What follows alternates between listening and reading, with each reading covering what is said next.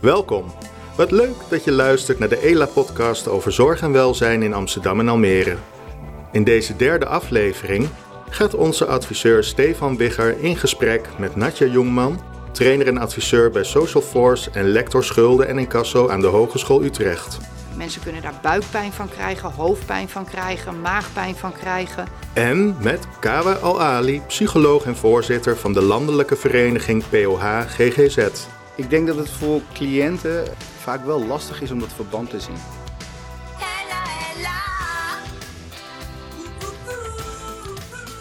Deze podcast gaat over financiële stress en armoede en wat dat doet met onze gezondheid.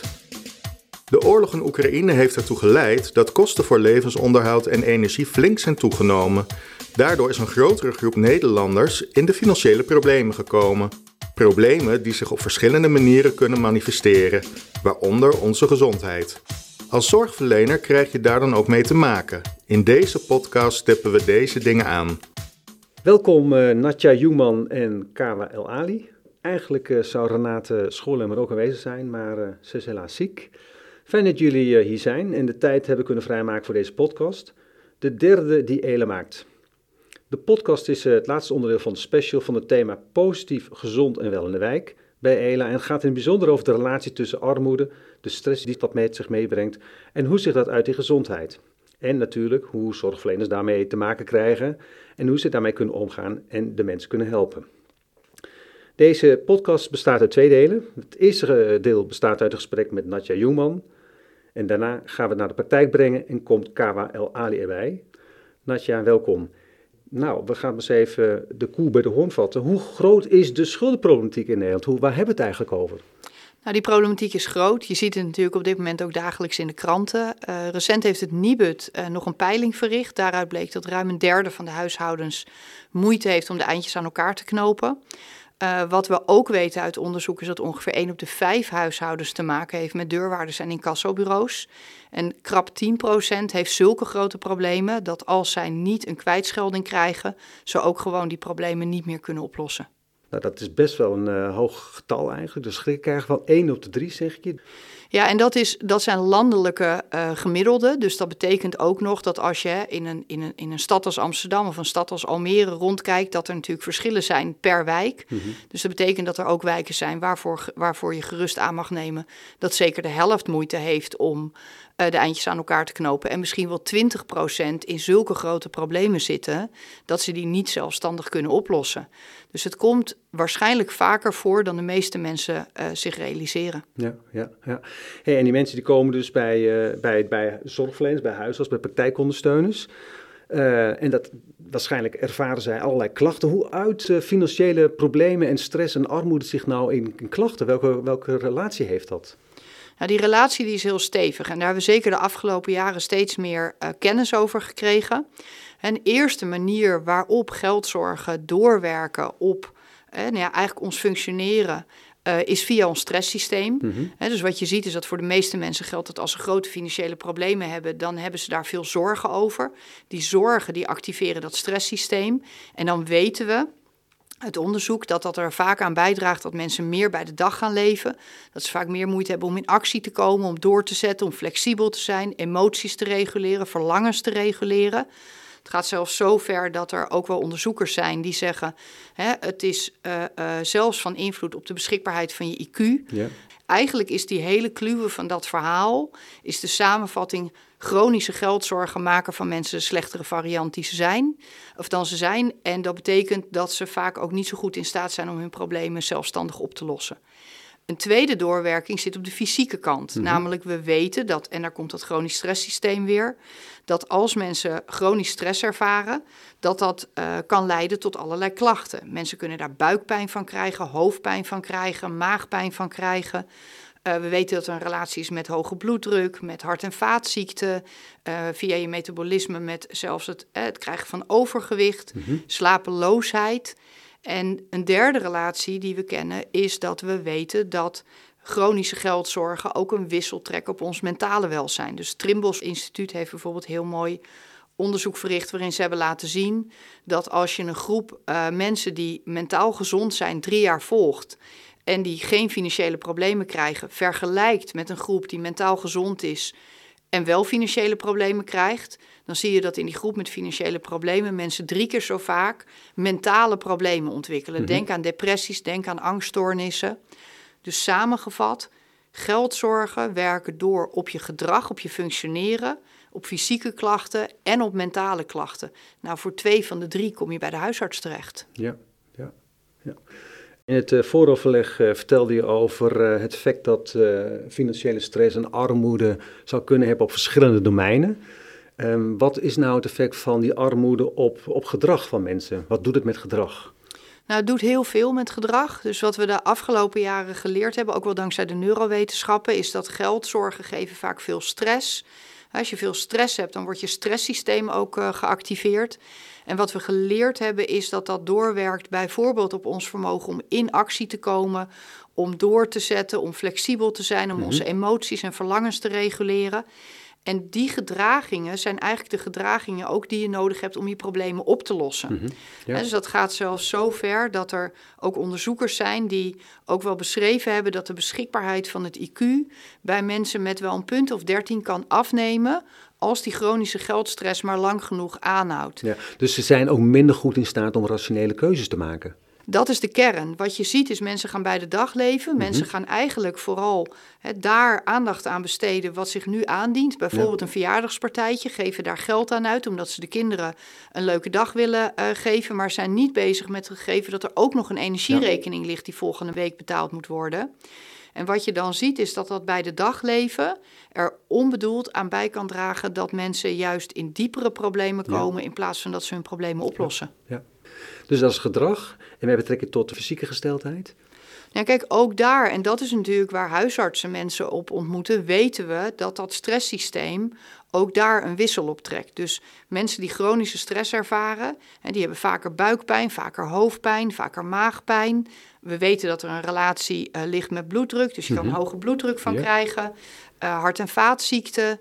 Ehm, we weten ook bijvoorbeeld dat het door kan werken in eh, slapeloosheid. Dus er is een reeks aan klachten waarvoor geldt dat ik me maar zo bij een huisarts kan melden.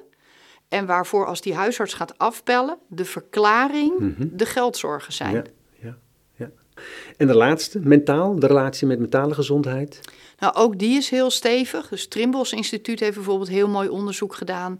En die hebben laten zien dat als je een jaar of drie met mensen meekijkt en je hebt een groep die geen financiële problemen heeft en die vergelijk je na drie jaar met een groep die bij aanvang geen financiële problemen had, maar die wel kreeg, dat in die tweede groep mensen drie keer zo vaak mentale problemen krijgen. Denk aan angststoornissen, denk aan depressies.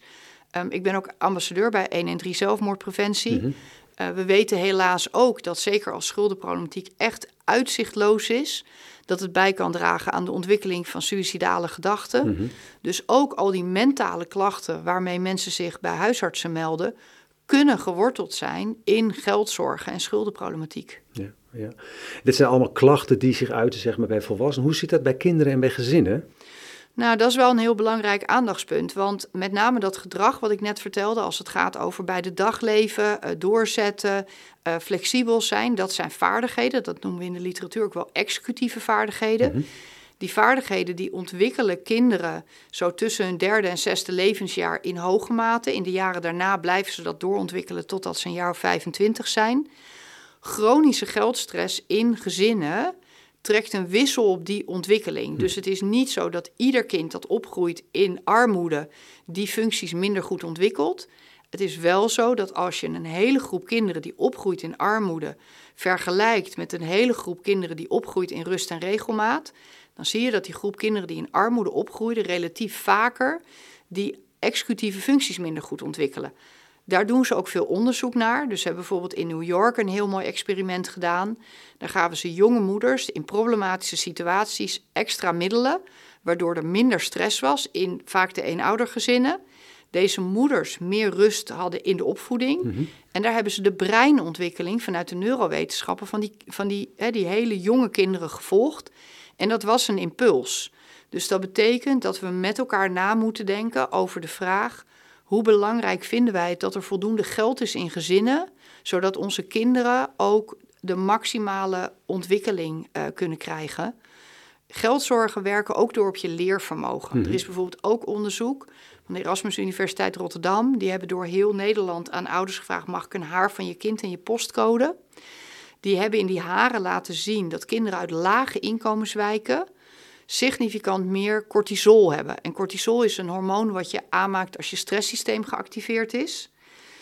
Wat dat daarmee doet, is dat het ons ook helpt te begrijpen hoe komt het toch dat kinderen in kwetsbare wijken vaak ook op school minder goed presteren. Dat komt misschien ook wel omdat ze zonder eten naar school zijn, hele Mhm. fysieke Mhm. eh, eh, omstandigheden. Mhm. Maar het is belangrijk dat we ons realiseren dat geldzorgen bij kinderen heel stevig doorwerken op hun ontwikkelkansen. Ja. Eigenlijk heel, er- best wel ernstig, eh, zoals, dat Heel ernstig. Ja, ja, ja. En ehm, de mensen die deze problemen hebben, die komen dus bij de huisarts. Ehm, maar ik heb wel eens begrepen dat het voor mensen best ingewikkeld is of lastig is om te vertellen dat je schulden hebt. En dat je je misschien wel voor schaamt en dat je dat, of dat je probeert om zo lang mogelijk nog maar vol te houden. Hoe, wat kunnen, hoe kunnen zorgverleners dat eh, eh, te sprake brengen? Kijk, schaamte rondom schuldenproblematiek is een heel groot probleem. Mhm. Voor, in Nederland geldt toch dat voor veel mensen voelen het als schulden hebben is schuldig zijn. En wij zijn ook een van de weinige taalgebieden overigens waar schulden die dubbele betekenis hebben. In het ja. Engels is het guilt en debt. Ja. Zijn het ook echt verschillende Ja, woorden. Dus de, alleen al vanuit de woorden is die schaamte verklaarbaar. Ehm, dat maakt dat als je aan mensen vraagt, hè, spelen er geldproblemen, dat, dat, dat het vaak een vraag is die zo direct komt dat mensen niet zo goed weten, stel dat ik nu ja zeg, hoe veilig is dat? Mhm. Hè, dus het even met een soort introductie erin, hè, nou heb je hoofdpijn en dat kan allerlei oorzaken hebben. Een van de oorzaken die ik hier vaak in de praktijk tegenkom, is dat het bijvoorbeeld voortkomt uit geldproblemen. Mhm. Hè, mag ik vragen in hoeverre speelt dat bij jullie ook? Dat is toch al wat anders dan hebben jullie ook geldproblemen. Ja. Want ergens, die vraag die is vrij vierkant. Je weet niet goed waarom wordt die gesteld en dus ook niet hoe veilig is dat antwoord. Dus het vraagt vaak ook een beetje een soort introductie om die vraag te stellen. Ja. Zouden huisartsen en praktijkondersteuners en wellicht andere zorgverleners op een andere manier in de praktijk de aandacht aan kunnen besteden? Door posters op te hangen of eh, iets, iets anders? Of bespreekbaar Ja. te maken? Zeker, dus wij hebben vanuit de Hogeschool Utrecht hebben wij eh, ook samen met de zorggroep Almere hebben een heel mooi interventiepakket mogen ontwikkelen. Mhm. Eh, daar zit een e-learning in voor huisartsen. Oké. Ook, die is ook geaccrediteerd met punten. Ehm, daar kunnen ze meer leren over die samenhang. Ook hoe ga ik daarover in gesprek. In dat pakket zitten bijvoorbeeld ook eh, ehm, eh, teksten voor op de televisieschermen die Ja. je misschien wel hebt eh, hangen. Flyers die je patiënten mee kan geven om wat meer uitleg te geven over die relatie. Eh, dus ja, als in die spreekkamer al een poster hangt of op die, dat scherm al staat, wist je dat fysieke klachten ook van geldzorg kunnen Mhm. komen en dat je huisarts daar ook graag eh, meer over weet, ja, dan, dan heb ik het daar al gezien en dan denk ik, oh, oké. Maar dat betekent dat in die, in die spreekkamer die vraag niet helemaal blanco landt, maar dat ik als het ware al ben Beetje voorbereid, voorbereid, ja. op het gegeven dat die huisarts misschien wel daarnaar vraagt. Dus het is een soort totaalbenadering en dat begint in die wachtruimte. Ja, dus het kan een beetje drempelverlaagd werken op die manier. Absoluut, Ja, dat is het idee. Nou, we gaan straks met Kawa ook in gesprek om te kijken hoe hij als zorgverlener eh, in de huispraktijk daarmee eh, om is gegaan. Eh vooralsnog even bedankt voor het eerste deel, Natja. Met veel plezier. Oké, Kawa, je hebt nu eh, gehoord wat eh Natja heeft gezegd. Wat eh, financiële armoede en stress nu doet met je gezondheid, de fysieke gezondheid, met je, wat het doet met gedrag, wat het doet met je fysiek. Hoe merk je dat in de praktijk als praktijkondersteuner? Hoe, hoe ervaar je dat? Hoe kom je dat tegen? Ja, ik heb ehm, natuurlijk als praktijkondersteuner zie je een ehm, heel diverse populatie voorbij komen. Waarbij mensen die, ehm, nou ja, die op den duur wat, wat vaker voorbij komen, zijn mensen die ook op andere domeinen problemen hebben. Mhm. Onder andere de schulden hebben, problematische schulden. En ehm, die ontwikkelen allerlei klachten. Hè. Vaak, eh, tenminste de ervaring die ik heb, Mhm. is dat ze zich aanbieden bij de huisarts Mhm. met klachten. eh, somatische klachten, denken dat er iets somatisch aan de hand is. Nou, wat de huisarts vaak doet, is ook uitsluiten hè, dat er daadwerkelijk Ja. iets somatisch aan de hand Ja. is. Ehm, en als de huisarts dat heeft gedaan, vaak heeft de huisarts al wel een vermoeden. Hè. De huisartsen waar ik mee werk, die vragen ook, omdat wij in de Bijlmer toch wel veel van dit soort problemen zien. Veel Mhm. mensen met problematische schulden wonen. Mhm. Vraagt de huisarts op dat domein ook wel door. En ehm, vaak heeft de huisarts in een vroeg stadium ook wel een vermoeden. Maar als het dan eenmaal eh, uitgesloten is, dan verwijst de huisarts naar ons. En dan zien wij de cliënt en dan horen we eigenlijk wat, welke klachten ze de afgelopen tijd hebben gehad. Of al heel lang mee rondlopen. En wat zie je wat het dan met mensen doet? Nou ja, wat je ziet is dat ze vaak vooral heel veel slaapproblemen, Mhm. echt heel veel. Ik denk dat dat wel nummer één is. Eh, bijna alle eh, cliënten met schulden die hebben slaapproblemen, die piekeren veel Mhm. en ehm, eh, ontwikkelen angstklachten, somberheidsklachten. Nou, dat kan zich uiten, die angstklachten, in paniekaanvallen. Mhm. Dat zien we ook bij mensen die al jarenlang gebukt gaan onder problematische schulden. Dat ze op den duur ook echt last hebben van paniekklachten. Ehm, traumatische ervaringen. Hè. We hebben ook eh, in mijn eh, caseload zet- zetten ook mensen vanuit de, nou ja, ze noemen het toeslagenaffaire. Ja. Ik vind dat geen fijn woord, het is nee racisme. En wat je dan ziet is dat ze echt heel erg bang zijn wanneer iemand aanbelt of dat de post door de brievenbus komt. Omdat Mhm. het zo geassocieerd is Mhm. met iets negatiefs, Mhm. dat ze daar al wel heel erg van, ehm, nou ja, heel veel last van hebben. Daar hebben ze nachtmerries over. Ja. Eh, sommigen die hebben letterlijk de brievenbus dichtgespijkerd, eh, bel verwijderd, zodat niemand meer kon aanbellen Mhm. of post door de brievenbus kon doen. Ehm, en dat, en voor de rest zie je eigenlijk alles wel voorbij komen. Ja. Als het zich eh, op een somatische manier kan uiten, doet dat het vaak Ja. ook wel. En weet je dan ook als zorgverlener dat het gaat, dat het komt vanwege stress, vanwege financiële problemen? Of moet je daar toevallig achter komen? Benoemen mensen het? Ik denk dat het voor cliënten ehm, vaak wel lastig is om dat verband te zien. Mhm. Ik moet ook heel eerlijk zeggen dat als ze bij mij zitten, soms echt wel wat tijd nodig is. ehm, dat ze gaan accepteren of omarmen het idee dat er een verband is Mhm. met hun zorgen, de stress en de klachten die ze hebben. Mhm. Ik heb wel eens cliënten gehad, die gaan dan echt, ehm, dan hoor ik ze echt na een jaar nog. Hè, en dan proberen we echt te kijken van hoe kunnen we je helpen. En een jaar toch, ja, weet jullie zeker dat er niet toch iets over het hoofd is gezien, dat ik niet toch iets, want dat vinden ze ook wel lastig, hè, Mhm. dat dat dan zo... En dat geldt trouwens niet alleen voor de mensen die eh, schulden hebben. Het geldt ook voor mensen die bij ons komen, die ehm, een goede baan hebben, maar gedurende langere tijd stress hebben. Ik vind het idee dat dat dan door stress komt, op de een of andere manier is dat wel heel lastig om te omarmen en dat verband te leggen. Mhm. Dus het komt niet, of nou ja, weinig eh, voor dat de patiënt dat verband legt. Ehm, maar voor ons, wij weten vaak dat als ze bij ons komen, dat er wel heel veel stress moet zijn, of in ieder geval iets van stress is. Dus wij leggen dat verband vaak sneller dan de cliënt zelf. En dan moeten we ze ook helpen om dat verband in te zien. En dat is best uitdagend. En hoe doe je dat? Nou ja, je gaat natuurlijk in gesprek, je blijft in gesprek. En ehm, nou ja, je hebt er natuurlijk allerlei methodes voor. Een van de dingen die je dan vaak kan doen, is gewoon heel veel bij de cliënt zelf neerleggen. Hè? Van wat denk je nou dat dat veroorzaakt? En de cliënt zelf helpen om tot dat inzicht te komen. Want het benoemen heeft vaak niet zo heel veel zin. Hè? Je kan wel zeggen, ja, nee, dit is het. En dan eh, kijkt de cliënt je aan en denkt, nou, ik ben het niet met jou eens. Het moet ook geen strijd worden. Dus je stelt gewoon heel veel vragen. Hè? Van, hey, wat denk jij dan? Wat is er aan de hand? En nou, als ze dan zeggen van ja, ik denk dat het misschien iets somatisch is, denk je, nou laten we eens kijken. Heeft de huisarts dat goed uitgezocht? Soms is het nodig dat ik even met de huisarts nog een gezamenlijk consult doe. Dat we Mhm. zeggen van nou ja, we zien toch wel dat ehm eh, cliënten nog niet helemaal van overtuigd is of wel alles gedaan is om het somatisch uit te sluiten. Dus wat je dan, dan ga je in gesprek en dan kijk je van nou wat kunnen we doen? En we nemen het ook altijd heel serieus. Soms heeft de huisarts bijvoorbeeld nog geen bloedonderzoek gedaan. En dan zeg ik van ja, doe dat. Al is het maar om het Ja, uit te sluiten. Hè, hoe zeker je het ook weet dat de cliënt ehm, eh, nou ja, voor de rest geen signalen laat zien dat dat nodig is, neem die cliënt gewoon serieus. Want dat maakt het voor ons dan ook makkelijker dat zij uiteindelijk dan inzien van hé, hey, is ook fijn hè, zie je bloedwaarde, alles is goed, maar toch heb je die klachten. Ja. Hey, en als je dan uitgesloten hebt als, als uh, huisarts praktijkondersteuner en je, en je ziet dus er echt dus, uh, nou, dat het oké is, met dat, er een, uh, dat het komt vanwege die financiële, financiële problemen, financiële stress. Ja. Als, als ja, praktijkondersteuner zelf kun je er misschien niet zo heel veel doen, maar je kunt wel die samenwerking met, met, met het sociaal domein opzoeken. Ja. Wat zijn de mogelijkheden dan voor jou als praktijkondersteuner? Ja, je gaat natuurlijk altijd kijken naar um, hoe het in Amsterdam is geregeld. Is uh, per regio heb je een aanbieder hè, vanuit de gemeente. Mm -hmm. Dat is dan maatschappelijk werkgedeelte. En daarmee kijk je uh, hoe, hè, wat, welke routes kunnen we volgen. Nou, sinds kort is dat het buurteam. Hè. Mm -hmm. Dat is nu ja, uh, ingevoerd. Zeker. En uh, voor ons is het nu bij de meeste psychosociale problemen, schulden, huisvesting, we schakelen het buurteam in. buurteam denkt met ons mee en neemt het vaak ook over. Dat Mhm. stukje gaan ze echt uitpluizen. En eh, kijken ze samen met eh cliënten hoe ze ehm, nou ja, kunnen ondersteunen op dat domein. En zie je dat het succesvol kan zijn?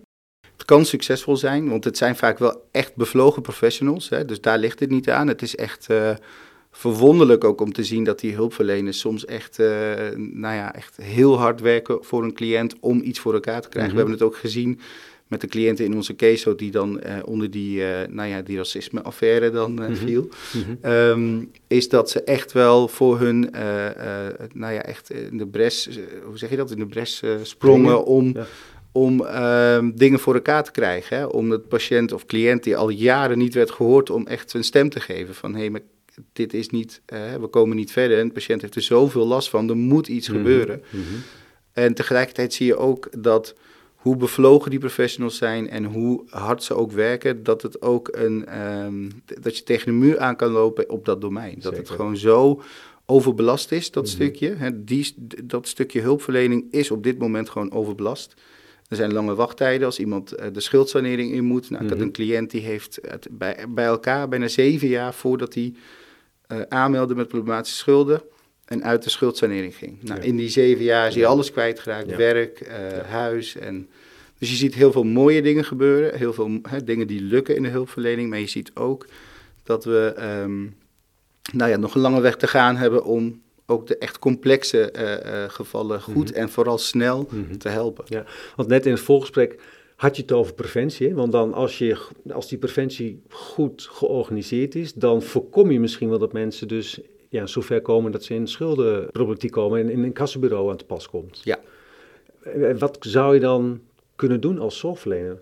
Nou ja, kijk, wat je natuurlijk nu wel ziet, is dat steeds meer zorgverleners, eh, ik kijk vooral naar de zorgverleners waar ik mee werk en die ik Mhm. tegenkom, eh, die hebben het wel op hun vizier staan van hey, schulden kunnen een probleem spelen bij de klachten die we zien.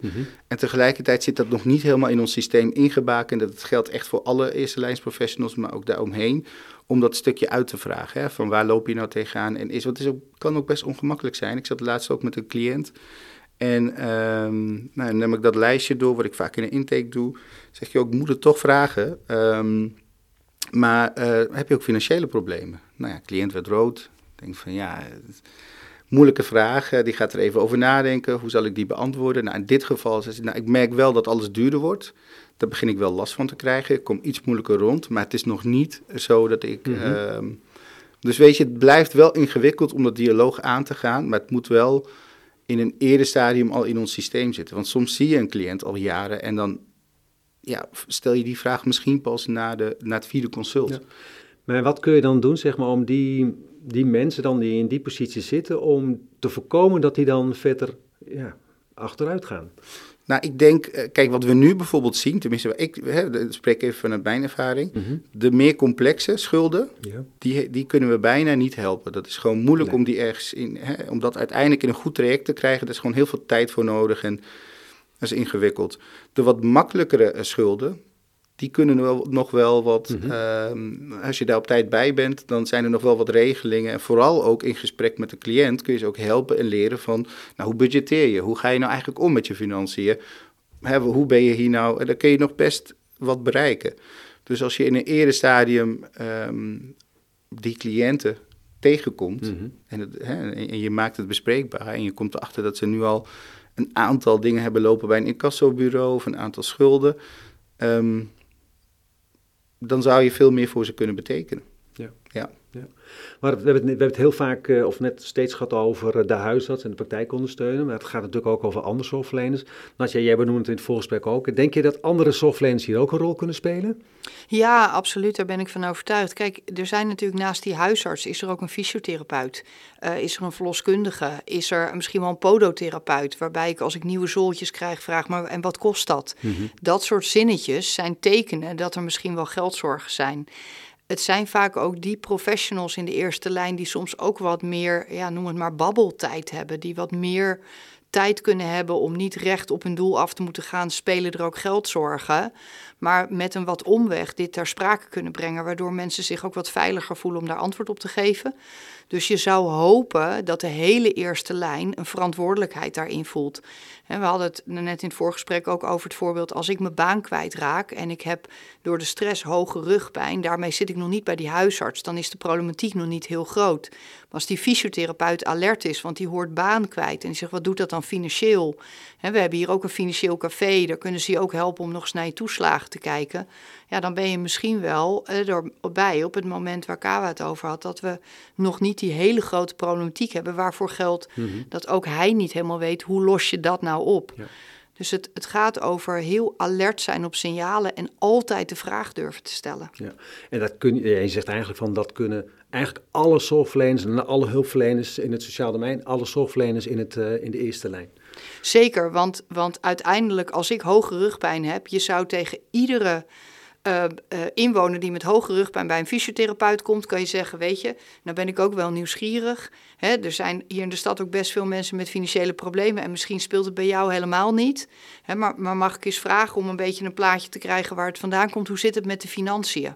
En natuurlijk stel je die vraag niet als eerste, maar als op de eerste vraag, goh, vertel eens wat is er aan de hand en wat is je idee hoe het komt. Als ik niet zeg ik heb in de tuin staan spitten, maar als ik zeg ik weet het niet zo goed, ja, dan is dit wel de tweede vraag. Want als 30% van de, van de huishoudens moeite heeft met rondkomen, ja, dan is de kans dat je iemand op je bank krijgt die moeilijk rondkomt natuurlijk ook heel groot. Ja, ja. Nou, we hebben dit al over gehad dat het best lastig kan zijn om het te adresseren. Kawa, heb jij tips voor zorgverleners om, uh, om, om schulden, financiële problemen uh, bespreekbaar te maken? Nou, ik denk dat het gewoon um, um, vast onderdeel van je eerste gesprek moet zijn. Okay. En misschien na het eerste gesprek, als het daarin niet voldoende naar voren komt, of misschien nog wel helemaal geen probleem is, en je ziet iemand gedurende langere tijd, doe het dan ook tussentijds en bij afsluiting. Mhm. Dus blijf het vragen. Hè. Dus, het is niet... Maar bedoel je ook dat, dat je direct moet vragen of meer indirect? Of, uh, nou, ik zou het... Het blijft lastig, hè. Het is voor iedereen zoeken van hoe doe ik dat.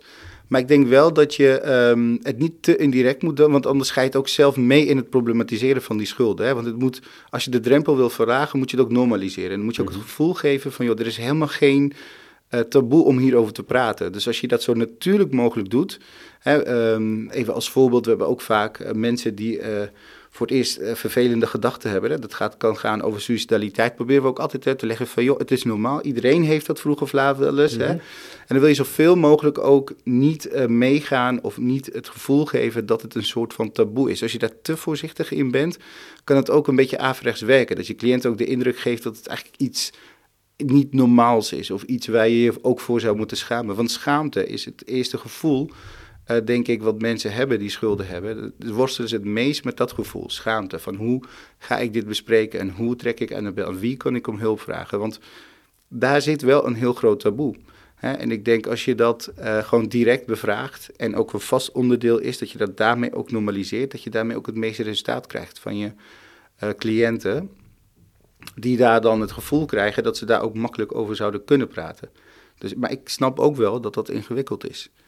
En wat we daarbij ook zien, hè, want ik ben ook trainer gespreksvaardigheden, is dat het soms misschien niet eens zozeer de ander is die het moeilijk vindt om de vraag te ontvangen, maar de professional die het moeilijk vindt om de vraag te stellen. Want mhm. stel dat die ander zegt er spelen grote problemen, mhm. dan, dan moet je er wat mee. En het besef dat er niet altijd een oplossing is. Of dat je niet zo goed weet hoe je daarop moet reageren, maakt ook dat er bij professionals ook wel handelingsverlegenheid is.